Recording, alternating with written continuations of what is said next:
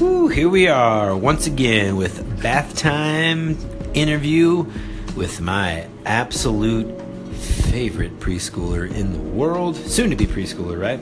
So we've only got a couple weeks left of summer, and so what that means is plenty of soaking up the sun, listening to good music, tons of swimming.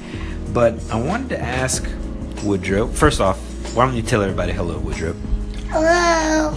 Okay. I wanted to ask you some questions tonight, son. and the first question that I'm going to ask is what is so school's going to get started here in just a couple weeks. What is a subject that you're really excited about learning?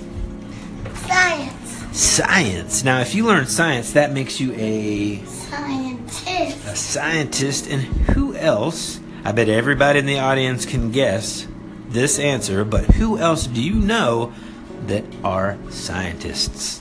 The Ghostbusters. There it is. We've all been waiting for it.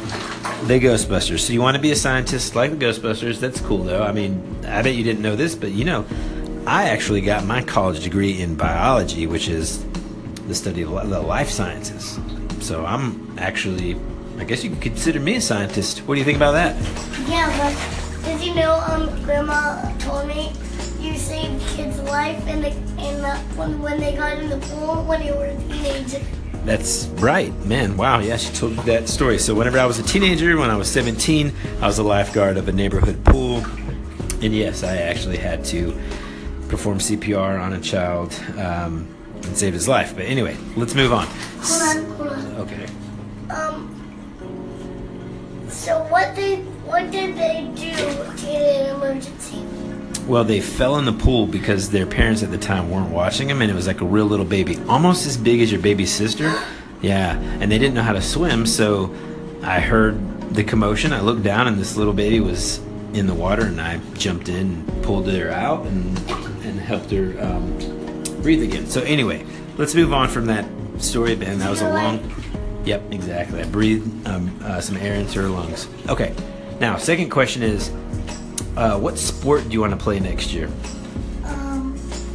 Soccer. Soccer. That's the best sport. That's what I played growing up. And you played last year a little bit, right? Yeah, and I got a soccer trophy. You got a trophy. That's pretty cool. Now, um, yeah, so we'll definitely get you in soccer this year. Um, and then last question, I forgot what I was going to ask you. Uh, oh, what is a movie? You know, we watch a lot of movie trailers and get excited about upcoming movies. What is a movie that you're really excited about seeing this summer or maybe in the fall?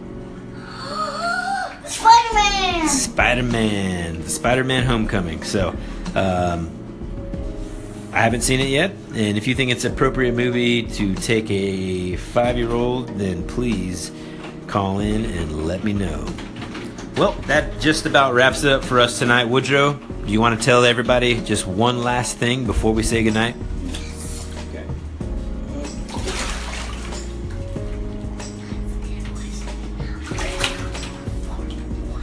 Okay, Woodrow is saying I need to ask him a question, our final question, a fourth question. So, my question is Woodrow, if you could grow up to be anything, we already know that it's going to be a Ghostbuster, but if you could live anywhere in the world, what city would you want to live in?